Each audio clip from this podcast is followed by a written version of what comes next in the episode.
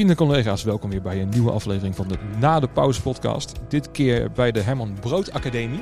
Uh, ik heb al een hele hoop gehad van de Herman Brood Academie. Uh, moet ik ze allemaal opnoemen. Reisa, Erik, uh, Tim van Tilburg. misschien ook al nog wat anderen. Misschien Allard, doet hij ook wat dingen voor de HBA? Die doet wel wat dingen voor de HBA inderdaad. Maar meer, ook meer een beetje gericht muzikanten. Zijn eigen passie inderdaad. Precies, met, met de synthesizers. En ja. is hier vooral ja. bezig ja. deze kant. Ja. En vandaag zit ik met Mark Tober. Ja. Uh, ja, welkom. Wij, wij weten elkaar heel goed te ontlopen, merk ik. Klopt inderdaad. Want uh, volgens mij ben je ook best wel actief bij Tivoli Vredenburg. Ja, zoals uh, velen van ons. en ik ook. Ik was dus dan stagehand. En um, ja, daar ben ik je eigenlijk nooit tegengekomen of zo. Wel een keertje toegevoegd ergens op een Facebook, maar daar ook wel bij gelaten. Ja.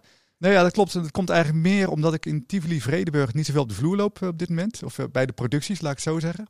Ik ben in uh, Tivoli begonnen in 2003 volgens mij, ergens in de buurt. Dus daar heb ik gewoon uh, regelmatig uh, als gasttechnicus gestaan en licht gedaan. samen met Jan heb ik toen Tivoli Vredenburg opgestart qua licht. En ik ben eigenlijk vooral projecten blijf, blijven doen buiten de zalen, dus buiten de producties om. Precies. Dus na de plug-and-play systemen heb ik ontworpen daar zo en ja. Of, ja, verzonnen en geïmplementeerd. Ja. Maar volgens mij heb ik er vaker als gasttechnicus gestaan dan dat ik zelf dus dat het gast was met een beentje mee. Precies. Dat ik daar gestaan ja. heb om iemand te ontvangen. Ja. Dus vandaar dat ik nou ja, ook heel veel nieuwe gezichten zie en nieuwe mensen. En ja, jou ken ik ook wel van naam. En Precies. zag je her en der af en toe wel eens een keer rondlopen. Maar we hebben weinig samen gewerkt inderdaad. Precies, dus ja. Dat is erg grappig. Toen je mij op LinkedIn een berichtje stuurde, dacht ik van... Nou, eindelijk dat we elkaar toch weer kunnen spreken. en is deze daarom. podcast toch ergens goed voor. Dat je toch mensen die je eigenlijk... dat je 150 gemeenschappelijke vrienden hebt en elkaar niet kent. Dat je elkaar toch weer spreekt. Ja, bizar is dat. Ehm. Waar ligt jouw eh, verleden? Want nou ja, eh, dit is weer Centraal Utrecht. Wat voor mij eh, natuurlijk een, een bakermat is, maar ook voor jou. Eh, nou, Herman Brood Academie, Tivoli Vredenburg. Maar waar is het voor jou eh, eigenlijk begonnen in dit vak? Eh, begin is eigenlijk eh, in eh, Tivoli de Oude Gracht geweest. Mhm. Daar ben ik, ik studeerde in, U- in Utrecht en was bezig met een bijbaantje. En in 2000, voor mij 2004 was het dat voor 2003 dat de helling erbij kwam. Dat de Tivoli de helling erbij kreeg. En dan hadden ze meer mensen nodig. En dan ben ik op gesprek geweest in Tivoli samen met Erik Mans ook. En met Karsten Kalma. Dat was een beetje mijn introductie daar zo. En daar ben ik, heb ik als lichttechnicus gesolliciteerd op een nul uren contract. Mhm. Nou, zij zagen mij weer zitten. Dus dat was heel fijn. Eh, ik ben nou toen eh, nou, vooral de eerste nachten gaan doen. En eh, later is dat zo, zo verder doorgegroeid. En uiteindelijk inderdaad is dat mijn werk geworden. Dus ik werkte bij Tivoli. Tivoli Helling deed ik toen. Via Tivoli Helling heb ik uiteraard... uiteindelijk ben, ben ik bij het paard terechtgekomen. Paard van Trooien. Oké. Want Er was ook wel een beetje overlap in. Ja? Bij het paard van Trooien werkten ook weer mensen die in 013 ook werkten. Dus kom je in 013 terecht. Eh, vanuit 013 kom je ook weer eh, nou ja, bij allerlei bandjes terecht. En eh, verhuurbedrijven. Dus Ja. ja. zo prut het een beetje verder allemaal. het is echt Dus, een klein wereldje. ja, ja, klopt. Ja, achter. ja. Ehm, ik denk dat het, het lichtverhaal niet bij Tivoli is begonnen. Dat dat echt wel toen je misschien een jaar of 12, 13 was. nee, dat is bij scouting begonnen. Scouting? bij, ja, ik zat bij Oké. scouting vroeger. En we gaven één keer per jaar gaven een feest. En daar deed ik techniek voor. Dus deed ik licht en geluid voor. Dat is voor mij in 96 ergens begonnen. Eh, nou, dat vond ik wel interessant. En eh, dat ging, gingen we ook steeds verder uitbreiden. Dus het werd steeds complexer en eh, steeds grotere lichtsets en alles. Ja. En uiteindelijk inderdaad, hebben we de laatste paar jaar bij een, hetzelfde verhuurbedrijf hebben we spullen opgehaald. En die belde op een gegeven moment op van, nou Mark, volgens mij snap jij wel hoe dat in elkaar zit. Wil je bij ons inderdaad een beetje klusje gaan draaien? Dus toen werd het, dat was mijn eerste bijbaantje. En toen had ik zoiets van, nou, ik vind het heel erg leuk. En nou, laat ik eens een keer bij Tivoli proberen, kijken of ik daar binnenkom. Precies. En zo ben ik eh, dan bij Tivoli terechtgekomen. ja, En in 2004 de knop omgegooid. Denk van, nou, eh, ik ga gewoon eh, fulltime dit vak in. precies. Ja. Ja. zo is dat gerold. Dus het is dan van wat kleiner steeds wat groter geworden. Ja, en, ja. Kan je nog je eerste productie herinneren waar je dan echt bij Tivoli binnenkwam en aan moest werken? Nou, volgens mij de eerste productie was Poppermatic toen de tijd. Oh, dat was ja. Een beetje, Ook dansavondje. samen met, ja, samen met Janne mee inderdaad. En eh, nou, daar eh, het licht knipperen. Ja, Dus dat is, dat is voor mij een van de eerste producties waar ik toe gedraaid heb. Precies. Vooral in het begin, als je nog niet zoveel ervaring hebt, dan word je niet gelijk bij een band neergezet. Nee. Want dan heb je precies van, oh ja, goh, wat doet die muziek eigenlijk en wat Precies. gebeurt er allemaal? dat zie je ook heel vaak. Hè? Dat je dan, zeker bij de, de, de lichttechnici, dat die dan op een dansavond worden geplaatst. Ja, klopt, en, ja. Of vanuit een stage of vanuit misschien iets nieuws. Maar dat je dan, ja, als je daar een foutje maakt om twee uur s'nachts, valt wat minder op. eh Klopt. over het Nee, ja, daarom. Dus eh, dan kan je gewoon lekker de tafel leren kennen. En wat je zegt, nou, een foutje is niet zo erg. Als tijdens een bandshow van anderhalf uur, als het gewoon eh na vijf seconden donker is, of tien seconden donker, heb je iets van, wat gebeurt hier, weet je wel? Precies. Ja. En eh, nou ja, bij een eh, dansavond heb je daar minder last van. Dus Nee. Het scheelt gewoon heel veel, dus eh, vandaar. Precies, ja. Ja. Dat is eigenlijk wel standaard weg, eh, klopt. Oké. Nou, uiteindelijk ben je dus bij de HBA terecht eh, Ja, gekomen. klopt. Herman Brood Academie. Ehm, hoe is dat gegaan? Ben je daarvoor gevraagd omdat je dus ervaring uh, opdeed bij andere bedrijven dat ineens iemand van de HBA het opviel en dacht, nou misschien moet je maar bij ons team nou komen? Dat is ook weer hetzelfde netwerk. Want net zoals Niels Jonker en Mike B. die werkt hier al. En Channe gaf ook al les hier zo. Dus op een gegeven moment hadden ze inderdaad meer studenten, hadden ze meer docenten nodig. En toen was de vraag van, nou, lijkt het jou leuk om te doen? En na het begin ook zoiets van, nou ja, lesgeven. Is dat wel mijn ding, weet je wel? Ja. Uh, maar uh, wel gedaan. En uiteindelijk is het heel goed bevallen. Want ik merk toch dat ik het leuk vind om uh, kennis over te dragen Mhm. mm -hmm. aan de nieuwe generatie. gewoon uit te leggen van, nou, hoe heb ik het gedaan? Hoe heb ik het aangepakt? dat bevalt erg goed. Mm -hmm. En ik vind het ook wel leuk van lesgeven dat je zelf heel erg scherp blijft. Want uh, er is altijd wel een student die zegt van, goh, maar hoe zit dit dan? Of waarom werkt dit zo? Ja. En uh, daar word je ook wel zelf een stuk scherper van. Ik denk van, oh ja, hoe zit dat eigenlijk? En, uh, ja, dan moet je erover na gaan denken wat eerst logica was. Ja, klopt. Ja. Want waarom heb ik het überhaupt zo gedaan? Is het gewoon zo ontstaan omdat ik het zelf handig vond? Of is daar een, reden voor dat ik het op die manier doe? Ja. En nou, dat, dat houdt je heel erg scherp wat dat betreft. Het lastige, het lastige vind ik van, van, van lesgeven, want ik zie mezelf ook helemaal niet als leraar. Um, want toen ik zelf op het Graaf Lyceum in Rotterdam zat, ja, ik was een van de meest nou niet een lastige leerling, maar misschien wel ook ongemotiveerd wat, wat qua buitenkant erop leek of zo. Ja, okay. um, want ik was gewoon niet voor, gemotiveerd voor dingen die ik niet leuk vond. Hm, ja. Dus bijvoorbeeld video. Nou, uh, ironisch genoeg zit die video bij.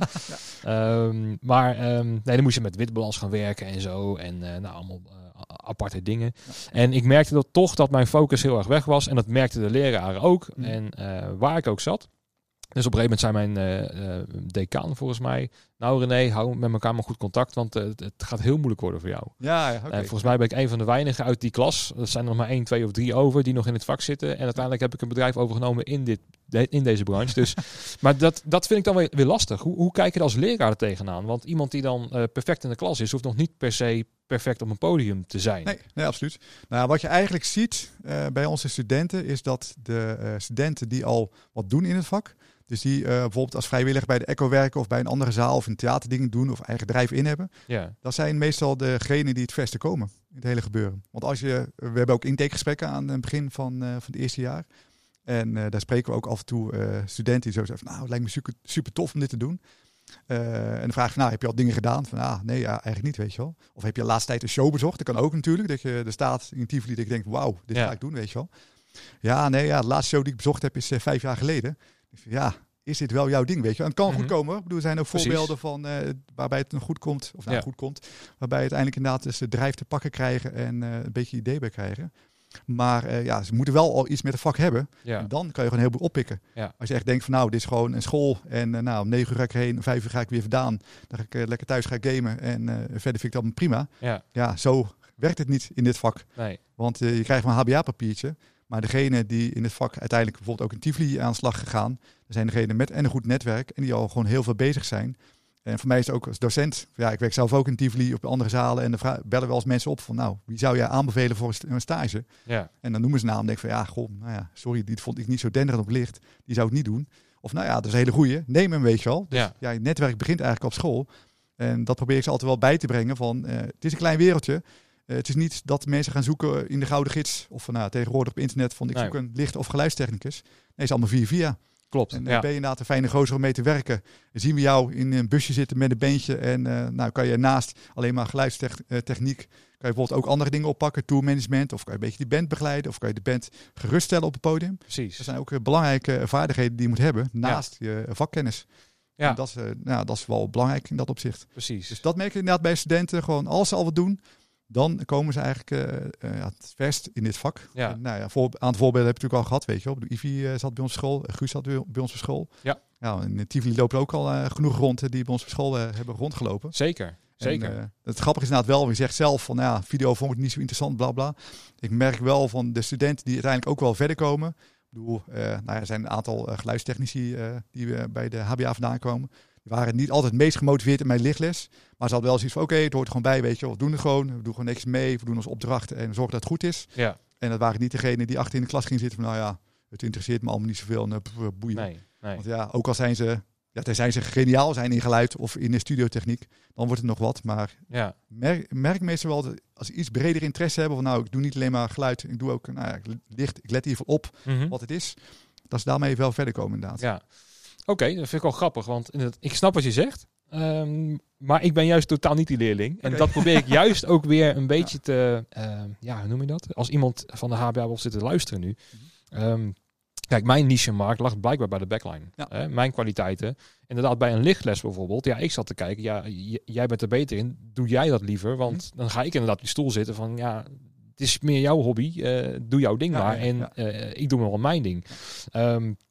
En ja, als ik dan terug ga kijken op die periode dat ik dan zelf, eh, nou ja, ook van HAVO kwam en dan ineens naar een uh, Graaf Lyceum ging. Ehm, ja, als ik niet bij Proton was terechtgekomen, was ik misschien helemaal ook niet in het vak terechtgekomen. Ja. Omdat het precies allemaal goed viel. Eh, mijn eerste jaar was bij het uh, in Tiel, Schouw, stad Mhm. Schouwburg. En nou, dan ging ik ook al met lampen stellen en zo. En ik deed gewoon wel mee. En ik snapte het ook allemaal wel. En ik vond het ook wel leuk, want het was Mhm. ook hartstikke nieuw en zo.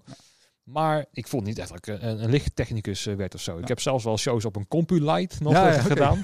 dus ik heb echt wel ook wel dingen echt gedaan. Ehm, maar ja, als ik eh, niet bij Proton was terechtgekomen, waar ineens, nou, ik ben zelf gitarist, muzikant, de sfeer was goed ehm, en ik voelde me ook echt ineens nuttig, Ja, omdat ja. ik ineens bij, met een ehm, mu- eh, muzikant kon praten en we praten dezelfde taal. Ja, ja, ja. En ik was heel erg richting gear eh, ja, eh, gericht qua, qua, qua backline. Dus het ging mij niet echt om die artiest, het ging mij veel meer om de gitaar die hij gebruikte. Of ja wat maakt het dan dat dat voor hem die keuze is voor het ene gitaarpedaal of zo. Ja. Maar goed, dan heb jij inderdaad je niche goed gevonden. ja. Maar eh, ik merk wel, van, je weet wel, van, nou, je weet wat de lamp is, je weet hoe je moet prikken. Ja, ja, ja, zeker. ik probeer ook niet iedereen die zijn passie heeft voor geluid, nou echt een full blown lichttechnisch van te maken. Maar wel bijvoorbeeld wat je in Tivoli heel vaak ziet, dan heb je gewoon iets kleinere productie. Dan heb je bijvoorbeeld wel eh nou ja, tien audiokanalen met eh, zes zenders, noem maar op. Maar ja, het moet wel even één lichtstandje aangezet worden. Dat je wel als geluidstechnisch weet van, nou ja, ik weet hoe de lichttafel aan moet. ja. Ik weet hoe ik even één standje kan maken en prima, weet je wel. Ik bedoel, je hoeft niet de hele bandshow te knipperen. Nee. Eh, je moet mij ook niet eh op het verhaal zetten achter de geluidstafel. Nou, ga je even een mooie balans maken voor deze band. Dan heb ik ook zoiets van, nou, geen idee hoe dat moet. Ik Nee. kan het aanzetten. Ik weet hoe het werkt. Maar ja, een mooie mix maken dat is ook niet mijn ding. Nee. Maar ik kan bijvoorbeeld wel even twee microfoons aanzetten in een zaal. Twee handhelds van, nou oké, weet je wel. Ik zorg dat die even aanstaat. Qua levels een beetje goed is. Dat, eh, Precies, ja. zulke dingen kan ik dan wel, weet je. ja. En Nee, zeker. Nee, en die basis is wel voor. Die kan ik uiteindelijk ook. Ehm, maar ik merk ook in mijn drive. Ja, ik probeer echt een beetje motivatie zijn Mhm. voor, voor degene die juist helemaal. eh, eh, die dan de leerlingen zien die dan wel alles kunnen en Mhm. alles doen. En Ja. eh, dat die anderen die dan onzeker worden, dan denken van, nou ja, het is niet mijn ding. Er zit veel meer in een leerling dan de meesten denken of zo. Ja, Want ook in mij zit veel meer. Want inderdaad, zet mij in Tivoli met een, een lichtsetje en een geluidssetje. Uiteindelijk van de dag heb ik het allemaal aan de praat gekregen. ja, ja, ja. En, en doet het allemaal. Niet perfect zoals je zei, maar eh, en die drive moet voor mij gewoon eh, daar zijn. En Nou ja, maar dat heb je in dit vak sowieso nodig. En daarom is het ook belangrijk dat studenten, daar merk je aan, als ze al wat doen, dan hebben ze al een beeld bij het vak. Dan hebben ze zoiets van, oké, weet je wel, je bent gewoon een weekend lang aan het werk, je bent met elkaar aan het werk. En als ze dat beeld niet hebben, als ze zeggen van, nou ja, om vrijdagmiddag om zes uur ben ik klaar met mijn werk, dan ga ik lekker met mijn vrienden een biertje drinken. ja. Of ja, oh, wacht even. Ja. Juist als jouw vrienden een biertje drinken en denkt er goed over na, dan moet jij eh, in de toekomst aan het werk als je van deze school afkomt. Klopt, Dus dat is wel een groot verschil. klopt. Ik heb ook één leerling gehad. eh, ik ga zijn naam gewoon niet noemen hoor. Maar eh, die wist al bij binnenkomst eh, bij Proton. Mhm. Nou, ik, eh, ik stop hierna met de opleiding en ik word verpleegkundige. Oké, En dat vond ik een vrij eh, grote uitdaging. Want ja, hoe ga je zo'n iemand nog motiveren om iets met instrumenten te gaan doen? Want het was al Ja. geen muzikant. Ja. Dus hij was op de verkeerde plek al bij ons. En daarna ging hij iets anders doen. Ja. Dus dan, ja, op een gegeven moment staat hij dan naast je van... Oké, ja, wat, wat kan ik nu dan doen? Zo van... Ja, maar Ik vind eigenlijk ook wel dat je de student daarin moet sturen. Die zegt van, nou ja, je zit zo op de verkeerde plek. Waarom, waarom doe je dit, weet je wel? Ja. Het is voor iedereen een verloren jaar. En ga wat anders doen. Want het heeft echt geen zin voor, eh, voor niemand. Niemand wordt er blij van. weet Wij kregen al te dat horen, het ging puur alleen maar om onze uren eventjes eh, af te maken Ja, en zo. ja, ja. Ehm, om het maar gewoon ja, met een eh, 5,6 eh, te laten slagen en, en, en door. Ja, maar dat vind ik altijd een beetje slechte reden om zulke dingen te doen, weet je wel. Vind, ik ook. Alleen ik vind dan wel weer zo cru dat je zo'n jongen wel weer kan afbreken of zo. Snap je? Dat hij dan zich daar ook weer niet goed, goed genoeg voel- voelt. Die al onzeker is en zo. Het is wel de realiteit natuurlijk. Hè, om te zeggen, nou dit gaat niet worden, je krijgt een 4. Ja. Maar ja, we, tenminste wij bij Proton, of in ieder geval ik, ben dan toch iets te lief of zo. En dan denk ik van, ja. ja, ja, nou, het is niet jouw ding. Je komt op bij Proton terecht, maar ik wens je wel veel succes en ik wil je niet afbreken of Ja. zo. Ja, het is een moeilijk ding altijd, weet je wel. Ik bedoel, eh, het kan ook zijn dat studenten na een paar jaar het licht zien. Of uh, nou, gelijk Ja, horen hoe het zegt, weet je wel. Dat, je, eh, dat ze van de opleiding afkomen. Dat je denkt van nou, dit wordt niks, weet je wel. Een paar jaar later kom je ze plotseling tegen. En dan Ja. zijn ze fantastisch geworden. Hebben ze iets, eh, ergens een knop opgedraaid van goh, ik moet nou een keuze maken. Ook, dat kan ook gebeuren, weet je wel. Ik weet vrijwel zeker als meneer Dick Dauma van eh, de Graafs Lyceum te Mhm. Rotterdam, als die ineens kijkt wat ik allemaal aan het doen ben. Ja, en eh, nou, eh, eh, eh, Ja. bedrijf, ja, freelancer bedrijf overgenomen en dan nog een keertje zo'n podcast. Die zal denk ik met, met verbazing zitten kijken hoe ik ooit beland ben. Ehm, Maar, Maar- wat jij daar zegt, op zich is wel zo van. Ik vind het belangrijk wat je zegt. Er zijn mensen die gewoon echt voor één passie gaan. Die zeggen van nou, ik ben gewoon echt een goede geluidstech en daar ga ik helemaal voor. Of nou ja, jij voor backline en ik voor, eh, voor licht. Eh, je hebt natuurlijk ook generalisten, weet je wel, die gewoon een beetje van alles wat we weten. En Ja. ja, bedoel, ik ben vooral licht, maar ik weet wel een klein beetje wat voor audio en ik ben ook met video bezig. Eh, misschien is er allebei wel een plek voor. Dat ik zeg van nou, je hebt iets bredere georiënteerde. Van, die zijn niet overal helemaal de diepte in, maar kunnen wel alles Nee. aankrijgen. Ja. En je hebt echt specialisten die echt gewoon met geluid of met video of met licht heel erg goed zijn. Ja. Dat- misschien is er al voor allebei, of ik denk dat er al voor allebei een plek is inderdaad in eh, deze markt. eh. In de Ehm, normale markt, laat het zo zeggen. weet voor de specialisme wordt het, wordt het iets lastiger in deze eh, coronacrisis. Momenteel ja. ja. Want ja, stel dat je inderdaad, eh, nou, een, een heel mooi voorbeeld vind ik Jan Willem Stekelenburg. Ja. Eh, 38 jaar volgens mij bij, bij, bij Amco Flashlight in dienst. Ja. Ja, een geluidsman puur zang. Ja. En ineens wordt hij ontslagen, terwijl hij dan maar in één ding heel erg goed is. Ja, Hè? Eh, ik kom hem zo vaak tegen bij Pinkpop op de Front of House of bij Bospop. Of, en het is gewoon zo'n aardige man. En die, die, die, vo- die heeft zijn weg gevonden daarin. Ja. En ineens door de crisis is het weg. Waardoor je misschien ook gaat- gaat afvragen, had ik misschien breder moeten oriënteren. Alleen als je dus inderdaad een specialisme hebt eh, en dat ligt ineens helemaal op zijn gat, dan heb Dan je heb op je een zich probleem. wel, ja, Ja, klopt. dat heb ik met Ja. backline ook een beetje. Want nu is er vrij weinig Ja. nodig, eh, kan ik je vermelden. Maar ja, dus ik vind het toch wel lastig. Want aan de ene kant wordt heel erg gestimuleerd vanuit de opleidingen van zoek een specialisme. Zoek waar jij echt heel goed in bent. Maar met zo'n crisis kom je er ook achter dat je eigenlijk ook iets breder moet blijven denken of zo. Ja, ja het is natuurlijk wel een redelijk heftige crisis die niemand had zien aankomen, weet je wel. Dus Maar hij is er wel. Jan Willem eh, was een specialist en dat ging 38 jaar ging prima en dat ging helemaal perfect. En er was ook een goede plek voor. En nu merk ik inderdaad wel dat de mensen die iets breder eh, sowieso al bezig waren, eh, iets meer kans hebben in dat opzicht. Ja. Dus dat is inderdaad wel het moeilijke en ook lullig voor inderdaad zulke mensen. Van, ja, wat ga je dan doen, weet je wel? Wat, wat zijn de opties? Precies. En eh, ja, voor hem is het ook wel hard dat hij gewoon ja, moet weer opengesteld van wat zijn dan mijn opties? Wat kan ik dan andere dingen doen? Ja. Waardoor ik toch nog wat boter, ja, Ja. boterham kan verdienen inderdaad. Ja. Dat is wel moeilijk. Dat, dat klopt absoluut. Precies. Hij heeft wel zijn weg weer gevonden, gelukkig, dat ik zag op, Nou, eh, op LinkedIn en zo. Dus dat eh, vind ik ook. En dat ik, ja, ik gun het hem zo erg dat dat allemaal weer dan eh, gaat- lopen. Heb jij veel last gehad van de crisis? Want toen het in, ma- in maart inging, je hebt dan wel HBA en Tivoli en zo. Je hebt overal wel een contract, neem ik aan. Nee, nee. Niet? Nee. Oké. Nee. Hoe, hoe is dat voor jou gegaan dan? Want het was ineens nou, ja, twee weken lockdown en, en toen? Ehm, nou ja, in het begin was het zo van, er werd natuurlijk allerlei dingen dichtgegooid. Dus uh, werd even op slot gegooid en er konden geen mensen meer komen en noem maar op. Dan dacht ik nou fijn, weet je wel. Ik heb hier van nog onderwijsdingen, dus dat loopt een beetje door. Maar ja, op een gegeven moment kon er niks meer bij elkaar kopen. En ik van, oh shit, weet je wel, dit gaat wel helemaal de verkeerde kant op. Gelukkig is het onderwijs wel door blijven pruttelen. Dus daar heb ik gewoon geluk mee gehad dat ik al in die hoek zat. En nou, dat is eigenlijk doorgegaan. En langzamerhand zijn ook weer andere dingen ontstaan. Eh, we hebben bijvoorbeeld bij eh, de HBA, nou ja, weet je wel, eh, het hele livestreaming is natuurlijk hot. Ik bedoel, allerlei dingen gaan nou online komen. We hebben ook een project gehad waarbij we diploma-uitreikingen gelivestreamd hebben. Dus met mensen die inbelden, de docenten die inbelden via Teams. Die hebben op een mooie LED-tegeltjes achter de studenten geplakt. Die konden ook toespraken geven. Dus die konden gewoon inbellen en dan een toespraak geven vanaf, nou, vanaf thuis. Eh, het werd ook gestreamd op YouTube. Dus mensen konden gewoon live meekijken. De hele familie kon live meekijken. Ja. En eh, ook gewoon wel met live publiek. Dus de student plus twee was dan aanwezig in de zaal zelf. En eh, die kon daar gewoon een diploma ondertekenen. Dus dat hebben we als project hierin bij de HBA gehad. En dat deden we met, samen met Pieter van der Veken. En met een aantal studenten erbij. Ja. Nou, dat was wel super tof. En dat gaat natuurlijk meer gebeuren, weet je wel. Dus, Ja. dus dat was voor mij toen een groot project. En toen had ik van, ah, wacht eens even, weet je wel. Dit is misschien wel interessant. Eh, want ik had, nou, we hadden het allemaal gedaan. Het is allemaal perfect gegaan, weet je. Iedereen super tevreden. En een paar dagen later eh, zag ik inderdaad een, een livestream. En dat was niet zo dender. Dat was gewoon in de, de commerciële sector. En eh, dat was gewoon niet te verstaan. Dat is gewoon een laptopje neergezet. Nou ja, een beetje zoals iedereen aan het experimenteren is. Ja. Een webcammetje aan.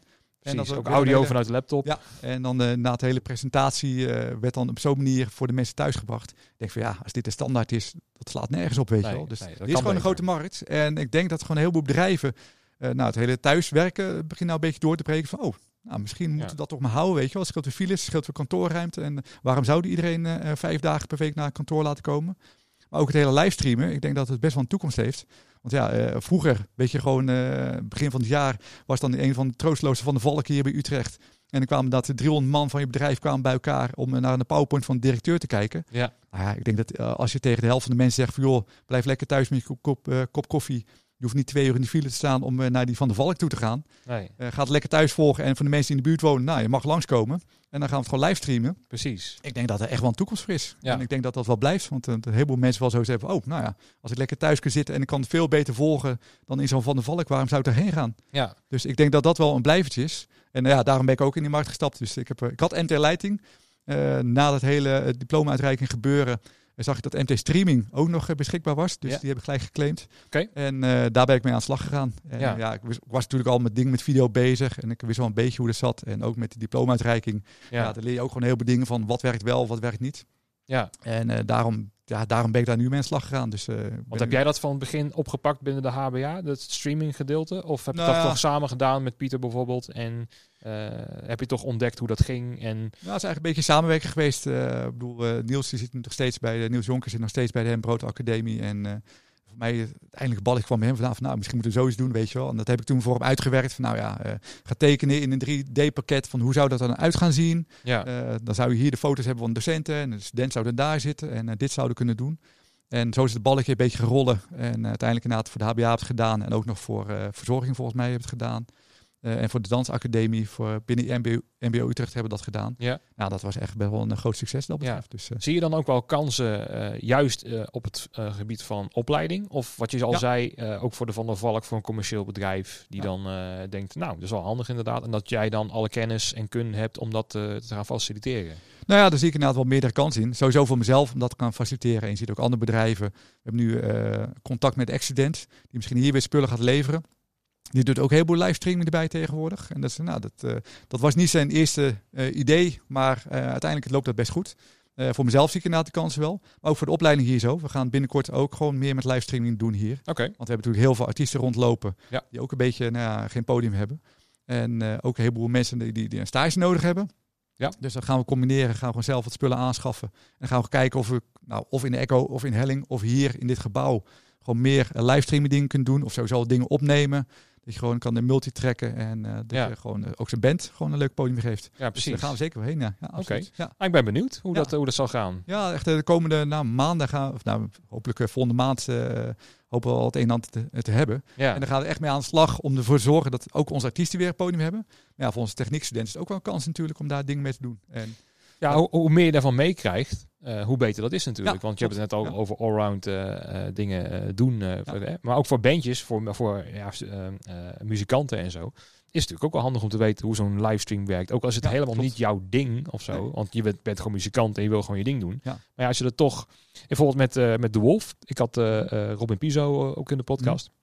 Nummer 6 volgens mij is echt alweer maanden geleden. En die heeft gewoon thuis, hebben ze allemaal hun dingen ingespeeld. En dat hebben ze dan uiteindelijk samengevoegd. En uiteindelijk is dat volgens mij eh, ook in die vorm eh, op de plaat gekomen, ja, dacht ja, ik. Dus dat er gewoon Ja, de drummer echt thuis zat. En hij zat met zijn Hammond-orgel ook thuis. En eh, dat ze elkaar dingen toe zaten te sturen. En toen vroeg ik wel, heb je die feeling dan niet? Want normaal gesproken kijk elkaar aan en weet je welke kant op gaat of zo. Maar hij zei dat het verbazingwekkend ook goed ging inderdaad op afstand. Ja, grappig. Dat is natuurlijk ook bij grote artiesten natuurlijk. Hè? Als je samenwerking hebt, Rihanna met eh, wie dan ook, Mhm. dan hebben die elkaar nog nooit in de studio gezien, maar toch hebben ze samen een plaat opgenomen. Nee, klopt. Ja, en ik denk dat voor hun dan wel een beetje een kunstgreep is. Want vooral, de Wolf is voor, vooral zijn band die het een beetje van de chemie moet hebben. En nou, als ze samen in de studio zitten, denk dat het wel anders klinkt dan eh, als ze het Ja. apart doen. Maar ja, het is inderdaad wel, in deze tijd is dat wel een oplossing, dat betreft. Precies. En dan merk je bijvoorbeeld met de Wolf, dat is eigenlijk ook de eerste stream die ze vanuit Tivoli met eigen techneut hebben gedaan. Dat vind ik sowieso wel super tof. Want Ja. dat merkte de afgelopen jaren in Tivoli wel. Van als er dan wat raars of groots ging gebeuren, werd heel vaak een externe partij ingevlogen inderdaad. Of een Amco vleesleider of dik voor wat. En dan werd een grote zaal verbouwd. Ik denk van ja, waarom doen we dat niet meer zelf, weet je wel? Dat is echt Ja. zo zonde. Precies. En daarom is het super gaaf dat we dat zelf gedaan hebben. Maar ook bij de livestream zie je weer van, ehm, nou ja, die mix voor een stream is gewoon heel anders dan een mix die je live in de zaal doet. En hetzelfde gaat voor licht. Licht doen voor een stream is heel anders dan Ja. licht doen voor een, eh, voor een live eh, show. Ja. En dat is juist wel een leuke uitdaging. Ook al heb je zoiets van, nou, ik doe alleen maar licht. Eh, dat je ook na moet denken van, oké, hoe ziet het op een camera uit? En Klopt. hoe kan ik daar een mooi plaatje maken? Nou ja, zo was, uitdagingen. dat was inderdaad met Erik Mans die podcast. eh er was Bas Mulder was daarbij. Ja. En eh, die had inderdaad al een hoop eh, 2KW'ers neergezet met ja, een bepaalde blauwe filter en zo. Dat is dan beter. En moest ook gaan zitten, standje maken. En eh, nu weet ik wel dat het voor mijn podcast dat het iets te ver ging of zo. Eh, Oké. want dit, nou ja, we zitten nu met telbalken Nee, aan en eh, nou, we zien het allemaal wel. En vaak is dat, voor mij is dat goed genoeg. Mhm. Eh, maar je merkte bij Bas ook al dat hij daarmee bezig ging. Ja. Hoe, hoe moet je een, een video gaan, eh, gaan eh, ja, eh, belichten? Ja, nou ja, dat is toch een andere tak van sport. Ja, nee, klopt, daarom. Maar het is wel een ni- nieuwe, leuke uitdaging om te doen, weet je wel. Hoe krijg je dat voor elkaar dat het netjes uitziet? Ja. En ja, daarom ben ik er ook ingestapt van, ja, ik vond video wel leuk om bezig te zijn. Het licht ben ik sowieso mee bezig. Ja. En audio moet er ook maar bij, maar goed. Ja. Dat, nee, audio vind ik ook wel leuk om bezig te zijn. Ik ben geen specialist, maar een aantal microfoons en een beetje compressie eroverheen lukt me ook nog wel. Ja. En dan vind ik het juist gaaf dat je met het hele totaalpakket, dat je gewoon iemand kan helpen. Dat het gewoon netjes uitziet en dat ook audio beter is dan gewoon een webcam en eh, Precies, ja. dat voor elkaar krijgt. Ja, binnen Tivoli zag ik ook al eh, wat foto's voorbij komen. Volgens mij van Catharina Krom en Mhm. van Jolijn. Die dan Ja, samen ja, ja. in de hertz waren volgens mij. Met een cameraatje. En die waren ook al bezig met een soort van livestreaming, dacht ik. Ik weet niet of je daar iets van hebt meegekregen. Maar Nee, ja, precies dat eh, precieze ding niet. Ze heeft natuurlijk ook wel de Wolf gedaan. Dus dat, dat is eigenlijk hun eerste project die, waar Catharina van mij de regie heeft gedaan. En Mart een beetje alle infrastructuur daaromheen. ja, maar ja, dan merk je inderdaad wel dat er gewoon eh, weer een andere tak van sport is. En dat weer een nieuwe uitdaging is. inderdaad. precies. Ja. Nou, je ziet dus wat je net al zei. eh, Dat, dat, dat, dat livestreaming en zeker beeld. Dat het veel meer een eh, normaal onderdeel wordt van... van, Ja. van en hoe ziet het voor de HBA eruit in detail? Ga, ga je echt ook echt een, een, een module opzetten en of zelfs gewoon een ja gewoon één keer in de week elke klas iets daarvan meegeven of zo? Of is dat nog een Ehm, ontdekkingstocht voor jullie zelf? Nou ja, het is voor ons natuurlijk ook een beetje ontdekken hoe we dat precies gaan doen. Belangrijkste in ieder geval dat we zometeen gewoon spullen hebben waarmee we zelf kunnen experimenteren. En het idee is eh, er zijn natuurlijk ook heel veel stageplekken verdwenen. Dus eh, dat er heel veel tweedejaars eh, dat ook als eh, stageuren gaan draaien. Ja. Dus dat ze gewoon met de livestream aan de slag gaan. Maar ja, we nemen het ook gewoon mee in het standaard eh, lesplan uiteindelijk. Want eh, nou ja, als je inderdaad als lichttechnicus hier vandaan komt, is zo meteen niet meer goed genoeg dat je alleen maar weet van nou ja, hoe werkt de lichttafel en hoe kan ik een eh, live band belichten. Maar dat je ook in ieder geval wat weet van nou, wat gebeurt er als er een camera op een podium staat? Wat voor effect heeft dat? En dan kan je alsnog zeggen nou ja, als we een beetje over specialisme en generalisme hebben, eh, kan je zeggen nou ja, ik vind live beentje vind ik toch veel leuker. Maar ja, sta je een keer op Pinkpop of in de grote zaal en er wordt wel live opgenomen, dat je wel een beetje nadenkt van goh, hoe kan ik het zo maken dat het ook op camera geval nog fatsoenlijk uitziet, Ja. zonder dat mijn hele livebeeld eh, eh, ja, eh, kapot gaat. Dus, Precies. Dan gebeurt het wel natuurlijk bijvoorbeeld op een Lowlands in de eh, waar je ook ja, tv-registratie hebt. Ja. Dus daar had je al volgens mij dat bands ook rekening, rekening moesten houden met hoe het dan ja, op, op video eruit zag. Of vice versa. Want je hebt vaak van die Amerikaanse bands die eigenwijs zijn. Dit is onze show. ja, ja, En ja. zo doen we het gewoon. En dan moet je als eh, eh, ja, televisie, televisietechnicus daar weer mee omgaan. Maar daar zag je het al in gebeuren. Het was geen livestream. Mhm. Maar het was wel dat je toch eh, eh, dat je geen stroboscoop midden in de camera kan, eh, kan af laten gaan. Ja, bijvoorbeeld. Dat is een beetje het voordeel is sowieso, camera's zijn de afgelopen 15 jaar veel beter geworden. Dus als lichttechnicus eh is hem al makkelijker geworden.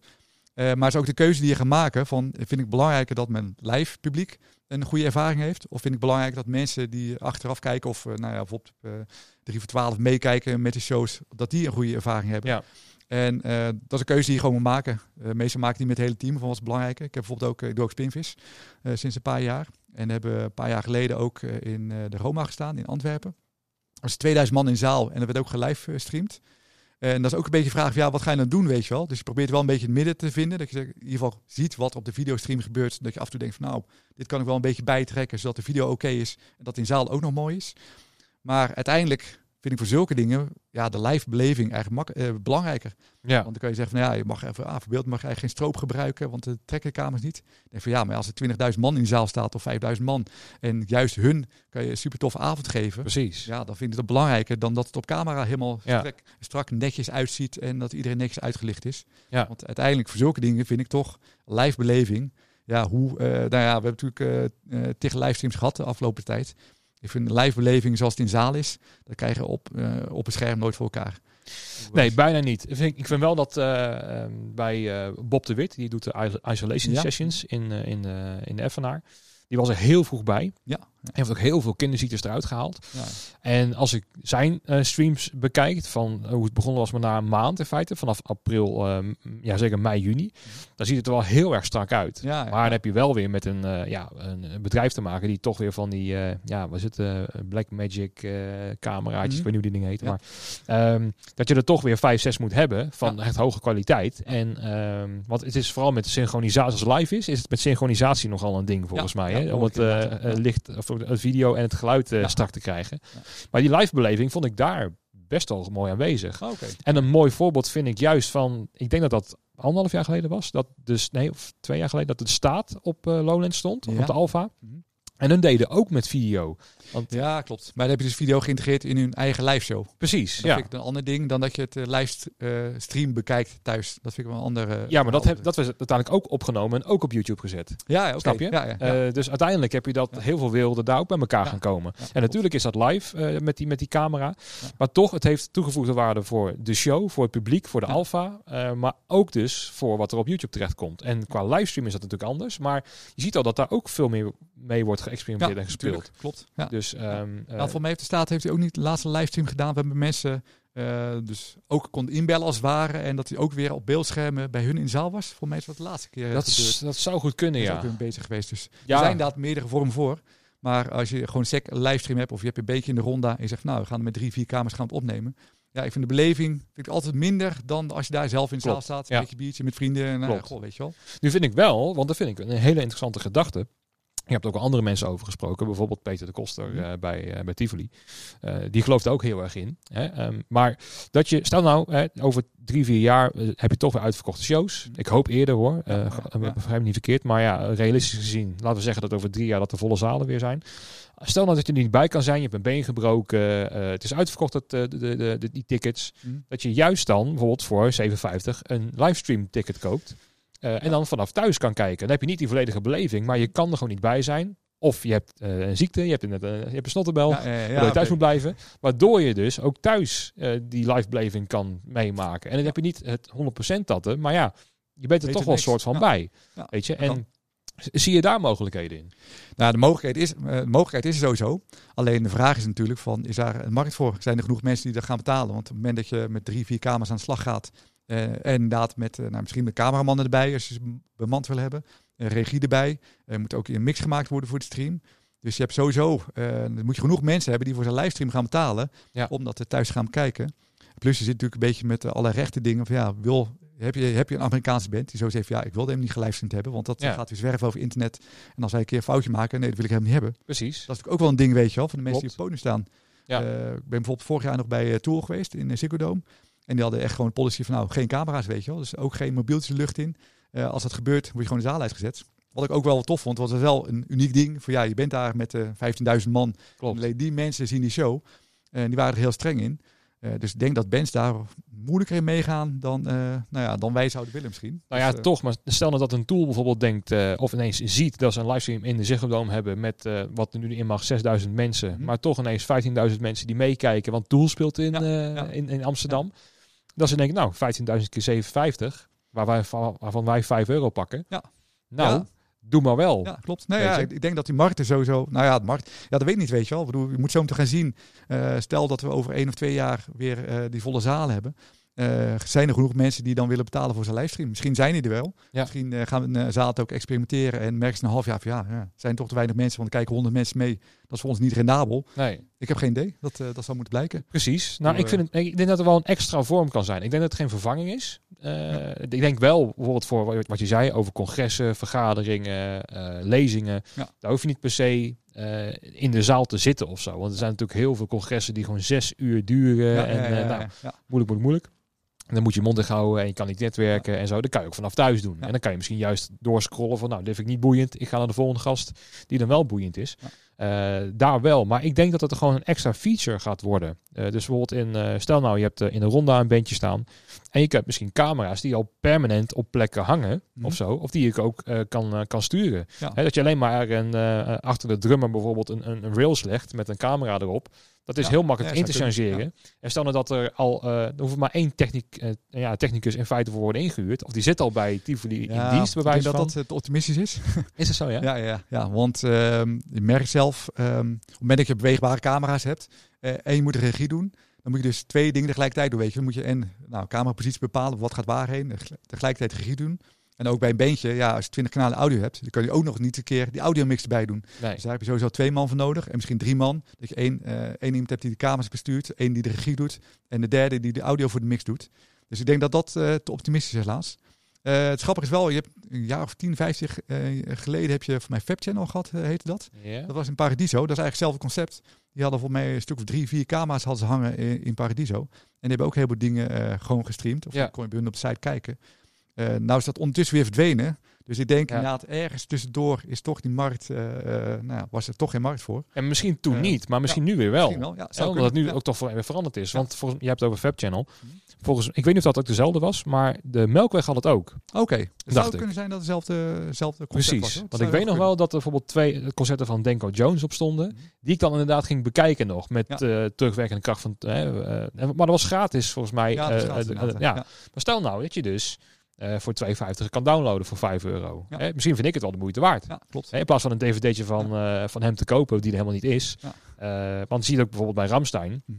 Als je dan daar een dvd of een blu-ray van koopt of whatever. Ja, je hebt toch wel een goede beleving thuis. Ja, Weet je? ik heb dan best wel goede audio ook. En als je dan ehm, ja, dat toch thuis kan beleven. eh, Je krijgt het wel mee hoor. Ja. Je krijgt Ja, natuurlijk niet, eh, hebt niet het, het, het, het vuur wat je van het podium voelt of zo. Dat heb je dan niet. En de beleving van mensen om je heen. Maar ik merk ja, dat het wel kan. Ja. Ehm, ik was in het begin ook best wel dat ik dacht, ja, de livestreamen, weet je, dat is niet de beleving. Mhm. En dat is ook niet zo. Als je het zo gaat bekijken, dan is het niet zo. Nee. Maar toch, ehm, eh, ik denk dat mensen ook moeten gaan wennen. Zelfs met een mondkapje op. Ja, dat, ik denk dat de mensen ook dachten van, ja, dat vind ik maar niks, dat doet Ja. maar niet en zo.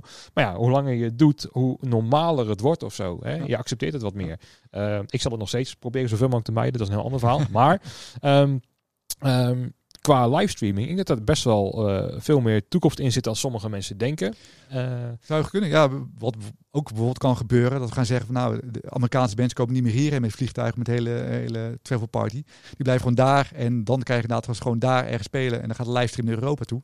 Het zou heel goed kunnen. Ik eh, moet zeggen inderdaad, als het weer kan, denk ik dat ik, eh, nou, als iets voor Frans Bouwen ga ik een kaartje kopen of dan ga ik dan naartoe, weet je wel. Gewoon de live beleving weer een keer te hebben. ja. Maar het kan best zijn inderdaad dat mensen dat gaan doen en dat mensen ook denken van goh, nou ik heb nu een jaar gemist, eh, alle festivals en dingen. Ik ga voor mezelf gewoon een grote tv aanschaffen eh, en gewoon goede boxen. Dat ik thuis een betere zo'n livestream beleving heb.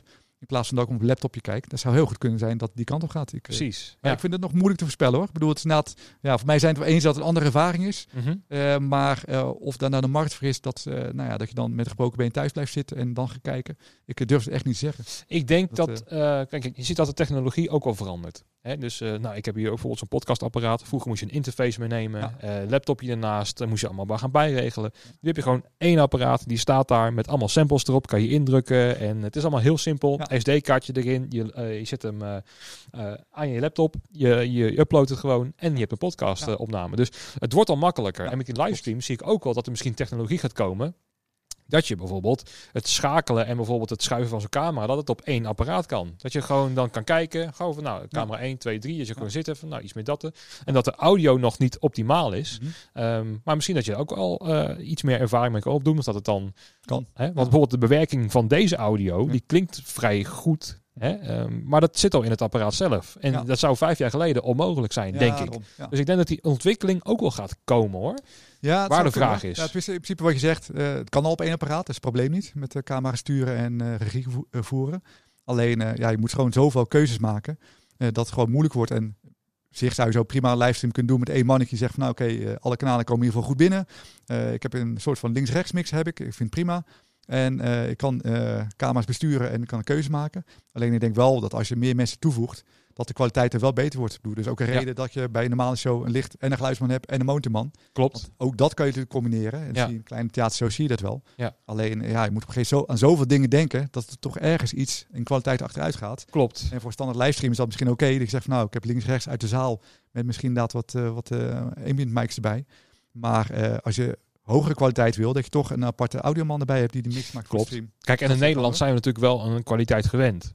Dat is natuurlijk ook Ja, zo. Hè? Want ik denk als je naar eh, Taiwan gaat of whatever. Ja, Ja, eh, dat, Nou ja, je hebt dan mensen al over de vloer gehad die inderdaad in, of in Amerika of in Europa aan toeren zijn. Dat ze in eh, gebouwen komen. Dat je denkt van nou, eh, hier Ja. gaan we vanavond een show geven. Nou, dit wordt spannend, weet je wel. Dus het dat beruchte. Italië, wat Ja, vaak voorbij komt. klopt. waar, Dat waar de stroom maar, eh, dat, eh, ja, dat, dat, dat geluids- en lichtgroep, ja, daar is de stroom, succes. Ja, nee, ja, daarom. Dat soort. Dus, verhalen. dat kan. Dus ik denk dat in Nederland dat op zich wel verwend zijn. Precies. Maar ik ben heel benieuwd ja, of daar markt voor is, dat betreft. Ja. En dat vind ik ook weer interessant, weet je wel, van waar gaat het heen? Want stel dat zometeen de oplossing komt, hoop ik inderdaad, van er komt een vaccin. Hoe we dan onze sector weer een beetje op de rails krijgen. Want eh, nou ja, momenteel is het gewoon helemaal waardeloos natuurlijk hoe het nu is met onze sector. Ik bedoel, eh, alle bedrijven liggen plat. En eh eh, voor mij heb het ook al een paar keer over gehad van voor volgend jaar. Stel dat volgend jaar we mogen. je mag een festival organiseren. Je mag weer zo met eh, 10.000 man bij elkaar. Eh, kan zo'n festivalorganisatie dat voor elkaar krijgen met financiën, met verzekeringen en alles. Ja, Dus ik zit ook een beetje te denken van hoe kunnen we nou voor zorgen als sector dat we zo meteen weer goed uit de startblokken komen. Dat het zo meteen niet is van oh, dit is een vaccin, iedereen mag weer. En ik denk van oh shit, ja, maar dit hebben we nog niet geregeld, dit hebben we nog niet geregeld. nee. Ja, sorry jongens, we moeten weer eh, drie maanden wachten, want eh, we hebben een heleboel eh, zaken op de achtergrond niet geregeld. ja. Dus ik denk dat daar sector ook een beetje over na moet denken van nou stel dat we volgend jaar weer mogen. Hebben we dan de financiën, kunnen dat rondkrijgen met verzekering of kunnen we garantie bij de staat krijgen? Ja. Voor de bedrijven die dan plat liggen. Kunnen die mensen die we hadden, kunnen die we binnentrekken? Of eh, kunnen we nieuwe mensen aantrekken voor een, eh, nou, van Amper Flesleiten waar ze, nou, nu heel veel mensen weg zijn. Eh, kunnen, kunnen we Jan Willem weer terugkrijgen? Zo, kan die weer dingen gaan Ja. doen voor ons? Hoe gaan we dat organiseren allemaal? Klopt. Nou, Dus ik dat- denk dat de key in samenwerking ligt, dat ten eerste. En dat we toch zo, ik bedoel, in onze sector zitten juist de meest creatieve mensen Mhm. die er misschien op deze wereld bestaan. Ja. Dat ik denk dat wij er wel uit gaan komen. Ja. Wij, Maar hoe denk je dan in samenwerking? Hoe, nou, bijvoorbeeld, eh, dan nu we toch bij de HBA zitten. Mhm. Er zijn dus ineens, je hebt een leegstroom. Stel dat de helft van de technici iets anders zijn gaan doen. mhm. Hè, het is, eh, ze zijn eh, dakdekker geworden, noem het allemaal op. Je hebt wel ineens een sloot aan, ja, waar je zegt, stagiaires, Ja, leerlingen die niks doen. Ja. Nou, stel dat die dus kunnen instromen, dat je gewoon een ervaren technicus hebt. En maar ja, die en die kunnen dan wel weer microfoons gaan plaatsen en alvast andere dingen gaan doen die normaal gesproken die betaalde kracht ook al zou doen. Heb je al eh, kosten bespaard? Mhm. Hè? Eh, heb je iemand die ervaring opgedaan, die, die bereidwillig is om mee te werken? Het is niet allemaal niet ideaal, Ja.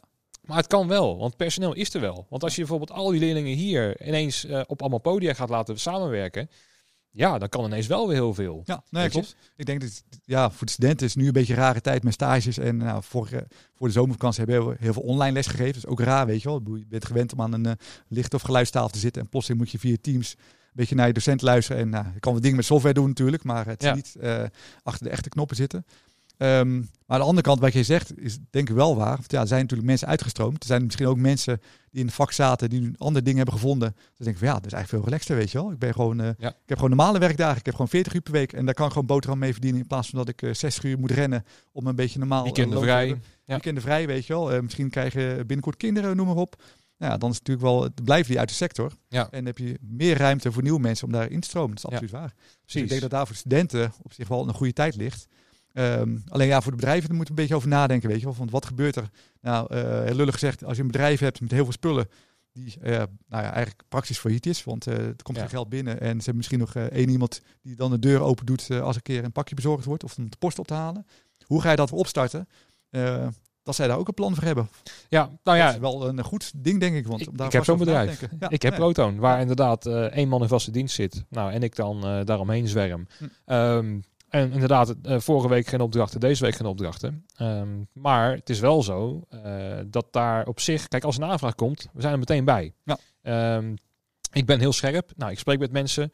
Eh, ik ben ook wel dynamisch daarin, denk ik. Dat ik wel de kansen ga zien en zo. Ehm, dus wij zijn er klaar voor. We zitten zelfs nu gewoon de boel te schilderen. Ja, dat als er weer klanten komen, dat het ineens heel fris eruit ziet. Ehm, dus nee, eh, ik zie juist voor een bedrijf zoals wij hebben, ja, als ik ergens een kans zie, bijvoorbeeld eh, voor tv waren ineens plexiglas schermen nodig. Ja, Hè, tussen Ja. twee mensen in. Nou, die laten we dan maken. En dat hebben we dan binnen twee keer we dat dan gelukkig weer break-even kunnen, kunnen draaien. Eh, niks kunnen verdienen, maar toch, je levert weer wat. Ja. Ehm, ja, wij zijn wel scherp hoor. Wij willen heel graag ja. eh, eh, dingen doen. En ik denk wel dat voor een klein bedrijf makkelijker is dan voor een groot bedrijf. Oh, weet je wel. 100%. Dat is echt, eh, Zeker. Dat zie je ook in de steunmaatregelen. Ja. Dat bijvoorbeeld eh, voor ons de steun is voor een klein bedrijf. Dat dat veel meer impact heeft en veel meer steun biedt dan voor een heel groot bedrijf. Ja, Want dat is gewoon binnen, eh, ja, twee keer kijken is dat gewoon op. ja nee, vandaar dat ook die grote ontslagronde plaats moest vinden. Ja. Omdat dat is die grootste vaste lasten zijn dat. Dus je hypotheek of je lening of je huur en je, en je vaste personeel. Voor de rest maakt het niet uit. Want de meeste spullen zijn vaak al afbetaald. Tenzij je iets in de lease hebt. Hè? Bijvoorbeeld zo'n Ja. Digico van eh, weet ik veel hoeveel duizend euro. Die lease je vaak. Ja. Nou, dat zijn ook vaak kosten die dan doorgaan. Eh, maar bijvoorbeeld bij ons eh, is het nee, alle drumstellen zijn afbetaald en, Ja, en, niks aan de hand in dat opzicht. Ehm, maar ik, ik, de kiezen toch in samenwerken, denk ik. Eh, stel nou dat je bijvoorbeeld, eh, ik hoop bijvoorbeeld dat Vrienden van Amstel doorgaat. Ik weet niet of het doorgaat, maar in januari, Ja, dat wordt een Dat tricky wordt ding. spannend, denk ik. Precies. Maar stel dat het wel doorgaat. Stel nou, het is heel optimistisch. In december is er vaccin. In januari mogen we hoppakee volledig eh, gas geven. Weer 13 keer in, in, de, in Ahoy. En ineens de helft van het personeel is weg. Ja. Nou ja, misschien moet je met elkaar samen gaan werken. Dat, dat je niet, niet kan voorstellen, maar dat ineens Flashlight met Rental of met ja, ja. moet gaan samenwerken om het voor elkaar te krijgen. Dat, eh, dat wij misschien twee, drie mannetjes leveren voor, het, voor het backline team. Weet je, ik denk dat dat veel, en ook andersom voor Lowlands. Stel nou dat wij ineens personeelskort komen, dat we het weer andersom aan andere bedrijven gaan vragen. En dat er geen haat en nijd is, maar dat er juist een soort van samenwerkingsverband gaat Ja. komen.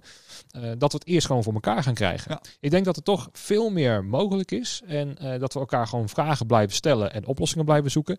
Kijk, natuurlijk heb je. ehm, eh, bijvoorbeeld gemeentes die niet dat willen dat, dat hun evenement een coronahaard wordt. Ja, nee, dus dan doet, oh, doe maar, doe maar niet. Maar het is ook weer een gemeente die denkt, nou, wij doen wel het evenement, want dan komen de mensen wel naar ons toe. Die geven Ja, wel bij ons het geld uit. En wij zorgen wel voor goede exposure. En dus er zijn ook mensen die weer kansen zien. Ja, Dus- daarom. Hè? Ik denk dat het toch een beetje een wisselwerking is. En ik denk dat echt de key in samenwerking ligt. Nou ja, misschien is dat wel goed dat je zegt, weet je, dat je ja, vroeger kon je gewoon concurreren, eh, kon je concurreren met elkaar. Je zegt, nou, dit is een flashlight ding, dit is inderdaad, eh, kom meer bij rental. Of, eh, tegenwoordig is het een redelijke grote holding geworden in Nederland volgens Ja. mij. Dus er zit redelijk wat bij elkaar. Eh kon je erop concurreren van, nou ja, ik ga jouw festival afpakken en ik eh, bied goedkoper aan. Nou, dat zal inderdaad in die tijd iets minder moeten. Ehm, maar misschien is het ook wel slim om dat concreet te maken. Want het klinkt heel goed dat je zegt, nou, samenwerken, weet je wel. Misschien moet dat als sector ook alvast concreet maken. Dat denk van, oké, als zo'n de vaccin er is, ik heb zoveel mensen nodig. We doen inderdaad een eh, Vrienden van Amstel of we doen een Pinkpop, Lowlands, noem maar op. Hebben daar dan genoeg mensen voor? En zo niet, waar gaan we die vandaan halen? Ja. Wat zijn de mogelijkheden ervoor? Dat we in ieder geval, als het vaccin er is, dat we in startblokken staan, dat we gelijk weer vol gas kunnen geven. Want het publiek is er wel voor, denk ik. Ik bedoel, Ja. iedereen heeft zoiets nou, als we weer kunnen, eh, we gaan ervoor. En Ja. eh, ik denk dat eh, als een vaccin er is, is Tivoli de komende drie jaar uitverkocht. Maar we moeten wel natuurlijk een plan hebben. Precies. En ook Ja. met financiering en ja, met de gemeentes stipt je aan, inderdaad, gewoon vergunningen weer goed geregeld worden. Ja. En ik denk als er vaccin is, dat gemeenten ook wel weer makkelijker mee omgaan. Maar ook inderdaad met de financiering, hoe zit dat? Want ja, ik denk dat alle verzekeraars hebben dat eruit gehaald. Van als er inderdaad een eh, corona 2 komt, dan zullen ze zeggen, ja, sorry eh, jongens, eh, dat hebben we eruit gehaald. Ook- gaan we dat organiseren, weet je wel? Dat wordt ook weer een grote uitdaging inderdaad. Klopt. Maar stel nou, hè, nu ik toch hier zit, Hm. ik zit over na te denken. Stel nou dat je bijvoorbeeld voor Lowlands inderdaad de helft is er niet, maar ik kan twee van de HBA meenemen. Ja. Nou, dan heb je alweer nogmaals die kostenbesparing. Ja. Die kunnen meelopen met een van ons. En die gaan natuurlijk wel fouten maken. Dus Ja. het wordt allemaal wat minder professioneel. Ehm, maar er komt ineens een dosis aan ervaring bij die je na twee, drie jaar, want als een sta- een stagiaire Lowlands hebt meegemaakt, nou, dat maakt een grote impact. Ja, Weet je wel, met, ook met ervaring en ineens ook, ook op een kloot te krijgen dat iets fout gaat of Ja. zo. Dat ineens een showstopper is, omdat ineens, stel dat die versterker is omgevallen waardoor die niet werkt en je moet Ja. binnen twee minuten een andere versterker hebben. Ja, fix hem maar vriend. Ja, nee, Weet je ja, wel? Klopt. je me nu laten, Ja. laten vallen. Ja. En dan moeten ze eens gaan oplossen. Ja. Ehm, en dan dat zullen ze nooit van zijn leven vergeten. Van nou, dat gaat me nooit van mijn leven meer gebeuren. Nee. Ehm, dus, maar daar zie ik ook wel mogelijkheden in. En als we gaan eh, denken van ja, de mensen lopen weg en het wordt moeilijk, moeilijk, moeilijk. Ja, als je gaat denken dat het moeilijk wordt, dan gaat het ook moeilijk nee, worden. dat klopt. Ja. Weet je wel? Nee. Nee, maar dat is goed. Dat is ook wel eh, leuk om te horen inderdaad. Dat jij ook die kansen denkt. Van, nou, er zijn best wel mogelijkheden. Er zijn genoeg mensen. eh, ook heel veel studenten die hier vandaan komen. Of van een andere opleiding vandaan komen. Ja. Die zo zeggen van, nou, neem ze mee inderdaad. En nou, het zal wel even weer tijd kosten om iedereen op niveau te krijgen. Want ja, er zijn stagiaires, die moeten nog heel veel leren. Eh, en dat kost Ja. weer een paar jaar voordat die helemaal eh, erin zitten. Ja. En er loopt natuurlijk ervaring weg. Dus nou, het gaat wel een paar jaar kosten. Maar ja, er zijn inderdaad wel genoeg mogelijkheden om dat te doen. eh, qua personeel in ieder geval, laat het zo zeggen. Daarom. Dus dat, ja. Ik zie niet dat het Ja. beter of slechter wordt. Het wordt gewoon anders. Ja. Hè? Want zometeen, stel nou dat er wel een pingpop mag zijn. En er zijn er vier podia. Stel dat er maar twee mogen zijn vanwege betere verdeling van mensen. dan heb je alweer minder personeel nodig. Ik zeg maar wat. Ehm, en misschien dat er op andere vlakken weer wat meer nodig is. Kijk, ik blijf... eh, eh, misschien is dat ook high hopes van mij hoor. Mhm. Maar ik denk juist met backline... eh, dat bijvoorbeeld eh toerende acts die 30 eh, shows doen binnen twee maanden, Mhm. dat die veel minder eerder een, een busje gaan huren. Dat, dat eerst gewoon drie, vier losse shows worden. En dat het gewoon invliegen wordt en de backline staat er al. Ja, Dat zou kunnen. Dus dat zou voor mijn business juist heel erg de andere kant op kunnen gaan. Dat ik juist heel veel moet gaan verhuren. Want alles moet lokaal worden geregeld. Nee, het zou kunnen inderdaad. Ja, voor mij ook, weet Maar je. weet het eh, Ik ben ook een streaming gegaan. Het kan best zijn inderdaad, wat jij zegt, eh, dat de concerten meer gestreamd gaan worden. De zakelijke markt sowieso. Ja. Dat daar voor mij weer de kans ligt dat ik meer die kant op kan. Ja. Er zijn inderdaad wel genoeg mogelijkheden. Dat je streaming eh, installatie doet. Dat je naar ja. zalen gaat. Dat jij bijvoorbeeld met jouw bedrijf eh, de Paradiso gaat voorzien van vijf, zes camera's permanent. Die je ook kan sturen en zo. Klopt. En dat je dan niet elke keer in moet eh, komen rijden. Maar dat ze ook zelf kunnen zeggen van nou weet je wat. deze lezing of deze Pinkpop presentatie in plaats van die grote truck erbij en zo. Nee, we doen het gewoon zelf wel. Nee, dat zou kunnen inderdaad. Dus er zijn inderdaad genoeg mogelijkheden. Alleen ik denk dat het even goed is om daar concreet over na te denken. Want jij hebt er nou, heel veel ideeën en sowieso kansen bij als ik jou zo hoor. Zeker. Maar ik denk dat andere bedrijven ook even goed over na moeten denken. Van, en ook eh freelance in het vak van oké, weet je wel, waar zit ik nu? Waar wil ik zo meteen weer heen? Wil ik weer terug de sector in? En Ja. wat zijn daar de mogelijkheden in? Ja. Dat je in ieder geval een plan hebt. Maar ja, daar gaat ook het kaf van het koren weer scheiden, denk ik. Dat zou En het zou anders zijn. Hè? De ene die haakt af en denkt van laat me zitten met... Ja. hè, dit- zometeen is er weer een pandemie, heb ik weer geen werk. Die denkt, die wil die stress niet hebben. Terwijl anderen weer de uitdaging gaan zien van nou, dit vind ik wel leuk om dat te gaan ontdekken. Want aan, aan de andere kant, het is heel, heel klote dat het gebeurt bij mijn bedrijf. Aan de andere kant, ik vind het ook alweer spannend hoe we hieruit gaan komen. Ja. En het is Ja, dan... het, het zou ook heel goed kunnen inderdaad dat juist, ja, kaf van koren zeg je een beetje. Er zijn misschien ook eh, bedrijven die gewoon twintig jaar mensen in dienst hebben gehad, die twintig jaar stil hebben gestaan. Dus eh, nu, nu zoiets hebben van, nou ja, sorry weet je wel, we moeten inderdaad eh, bepaalde mensen laten gaan. En dan met een nieuwe lichting die weer vers en fris is aan de slag gaan. Dat zou Precies, goed kunnen inderdaad. Ja. Dus dat, Daarom. en, bedoel ik sowieso niet heel willen mee hoor. Ik bedoel, dat is voor de nee, nee, nee, duidelijkheid. nee, Maar, nee, nee. maar ja, het kan zijn inderdaad als je op bedrijven, podium of mensen vastzit, dat je denkt van, nou ja, goh, weet je wel. Ja, Dat is de tijd, tijd voor vernieuwing. En Precies. mensen vinden het misschien ook oké om een keer een Ja. andere baan te zoeken buiten deze sector. Die zijn Ja. misschien ook klaar mee om elk weekend ja, 40 uur te draaien. ja, Misschien is dat juist wel een goede eh precies. deal, dat betreft. Dus, Ja. eh, ja. Wanneer komt de module backline in eh, HBA? Ja, dat, eh, dat is een goede vraag. Ehm, het zou wel logisch zijn om daar eens een keer wat meer mee te doen, dat betreft. Ja, ik zat Ja, over na te denken, want Nee, in mijn opleiding heb ik het helemaal niet meegekregen. Stom. En per toeval ben ik daar terecht gekomen. Terwijl, dit is altijd zo'n ondergeschoven kindje, vind ik dan. Van, nou ja, die backline die huren we in, dat eh, zetten we een keer klaar. En eh, dan komen ze erachter dat het drumstel niet, niet lekker gestemd is. Zo van, ja, dat klopt. Ja, ja, ja, dat klopt. Moet je eraan draaien, vriend, weet je wel. Maar dat, eh, dan kom je eens achter dat, nou ja, ik heb het zelfs, dat heb ik in de, in de Appelpop special heb ik dat genoemd. Eh, dat Yellow Claw daar stond op het podium. En ineens, eh, nou, eh, mixerstuk. Omdat hij te zwaar en te groot aan het draaien was. Ah, dus overfit, dus Ja, lag ja, ja. eruit. En ineens is het van, oh ja, de, de, show ligt stil. Terwijl het eigenlijk zou je denken, ja, die zet je pludden neer, een stuk plastic, het werkt toch wel? Ja. Totdat het niet werkt. Ja. Weet je Maar ik denk dat het ook een van de dingen is waar we het nu de hele tijd over hebben. Nou ja, je doet licht en geluid. De video komt er nu bij. Maar dat een stukje backline is sowieso wel handig om te weten dat je een beetje weet hoe zo'n ding in elkaar zit. Weet je wel? Dat je weet, is een linkshandige drummer, rechtshandige drummer. Nou, maar ook, ook bijvoorbeeld Ja. eh, in, de, in de vorm van riders lezen. Ja. Stel nou, je, je hebt dus iemand eh, van de productieafdeling, ik weet niet of dat kan hier, maar stel dat je hebt de, productionele kant, dat ze riders lezen en dat ze weten wat een Fender Hot Rod Deluxe is. Ja. Of dat ze weten wat, eh, wat, wat inches eh, zijn. Ja, klopt. Ja. Dat, dat soort kleine dingen. En het is Lijkt heel vaak, denk ik van, nou, daar heb ik geen verstand van, Ja. doe maar weg. Maar ik denk juist als je een beetje weet waar je over praat, Ja. als je de rider ook kan vertalen en lezen voor jezelf, eh, dat, je, dat je ook, ja, het is ook een soort van kans om mensen daarin op te leiden of zo. Maar, dus weer de andere vraag. Ik bedoel, jij zit er dan helemaal in. Hoe groot is die markt in Nederland voor backline? Nou, Zijn ik- naast jou nog vijf kijk, nee, ik wil, doen? ik, wil, ik wil helemaal niet dat er backliners, meer backliners komen. Dat is niet mijn doel. Ja. Het is meer mijn doel om bijvoorbeeld, stel nou dat jij bijvoorbeeld eh, ineens een productie doet voor eh, een of ander festival in Utrecht. En dat jij Ja. van, ja, eh, geen idee, Tama, whatever. Terwijl als jij ineens weet van, oh ja, dat heeft een keertje twee, drie keer uitgelegd van, oh, zit het zo in elkaar. Ja. Als jij eh 12 keer 8 ziet, dat je weet dat het 12 inch breed is en Ja. 8, 8 diep. Bijvoorbeeld dat soort kleine dingen. Dan weet je al eh, veel meer te vertalen of zo. Ja. Hè? Of, eh, Ja, bij, bij zulke dingen zou je toch snel zeggen, nou ja, hier heb je het lijstje, weet je. We zouden het naar jou sturen, want jij bent specialist erin. ja. Eh, of je zou het inderdaad eh, productioneel anders aanpakken. Die zegt van nou, dit is mijn festival, ik heb er in drums staan. Dit is wat er is, weet je wel. Want dat is de grootste gemene deler binnen alle bands. ja. Dus daar moet je mee doen. Dus dan zou je het meer in die hoek zoeken. Want wat Ja. je zegt, het drumstel stemmen.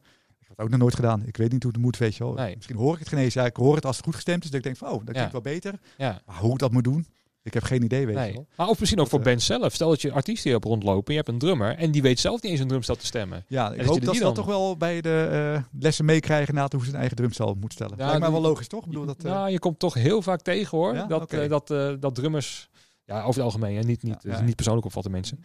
Eh, maar dat je op een, een podium komt en dan hoor je op hij hem stem. Dan denk je van, jezus Christus man. ja. Of dat hij al meteen met tape begint te, te, te spelen op die tommetjes. Zo van, nou probeer eens even een basistoon eruit te krijgen voordat je gaat tapen. Want vaak heb je ineens tape nodig. Nee. Dus, ja. Nou ja, dat zou kunnen. Maar het zou inderdaad zeker goed zijn als jij eh, een keer langskomt. Het is voor de muzikanten of het is, al is voor de, onze techneuten. Dat je gewoon een beetje uitlegt van, nou jongens, let op. Van een Fender is niet een Fender, weet je wel. Er zijn gewoon verschillende types van. En er zitten gewoon grote verschillen in.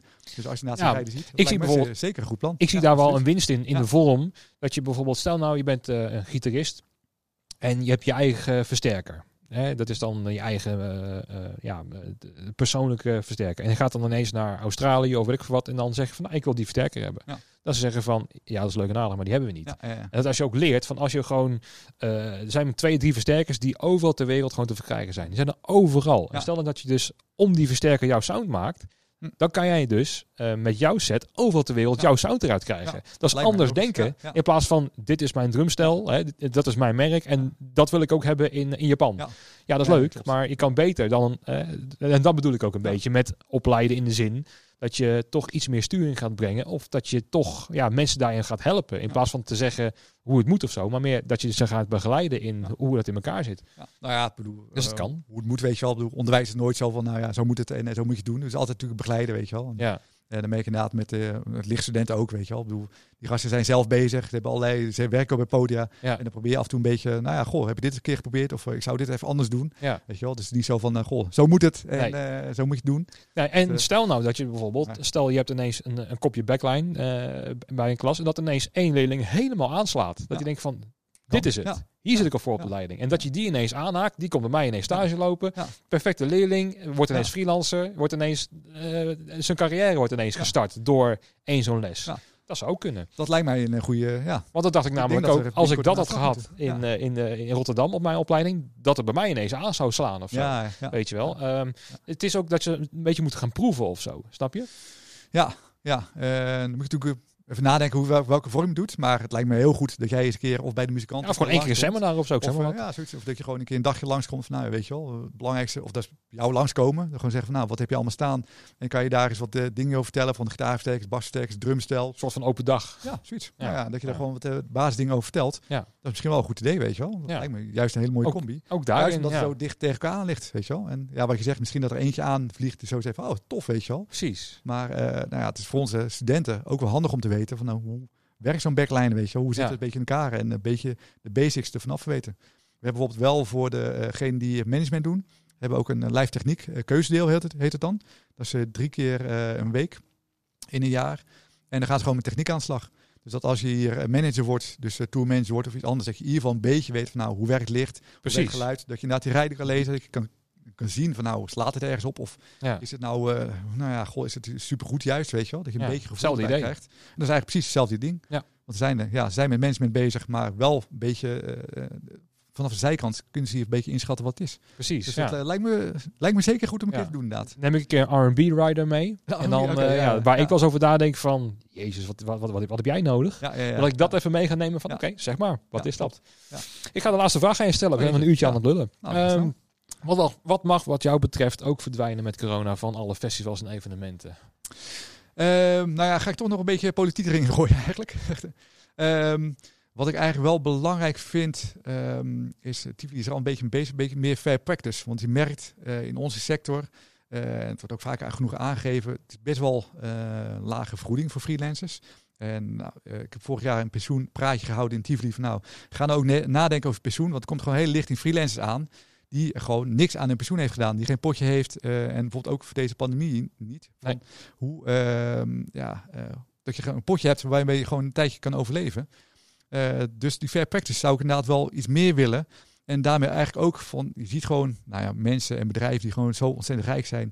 Dat ik denk van als eh, Europa, dat moet je in Europees verband doen, eh, moet je gewoon voor zorgen dat ook zij gewoon meer belasting gaan betalen. Dat je juist aan de onderkant van de keten, en nou ja, er zijn, onze sector wordt niet zo dennend betaald, maar je hebt natuurlijk ook nog de pakketbezorgers, de bekende voorbeelden, weet je wel, die gewoon niet zo dennend veel verdienen.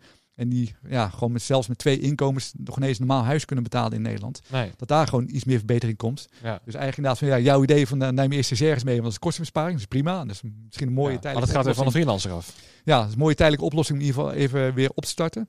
Maar dat daarna gewoon iets gewoner wordt. Dat je gewoon een, eh, een fair practice hebt. Dat je gewoon je- iedereen rond zijn podium. En ook de artiesten op het podium natuurlijk. Want dat is ook niet echt een vetpot. Dat je gewoon een keer een beetje normaal eh, kunnen verdienen. En dat ook gewaardeerd en gezien wordt. Want die zei van mij eh, ook, nou, dat heb ik een paar keer bij je terug horen komen in de podcast. Van, eh, daar worden eigenlijk helemaal niet gezien. Weet je, mensen hebben geen idee wat wij doen. Die denken dat we een uur van tevoren binnenkomen en eh, nou klaar, weet je, alles draait. Dat we dat misschien ook meer zichtbaar maken.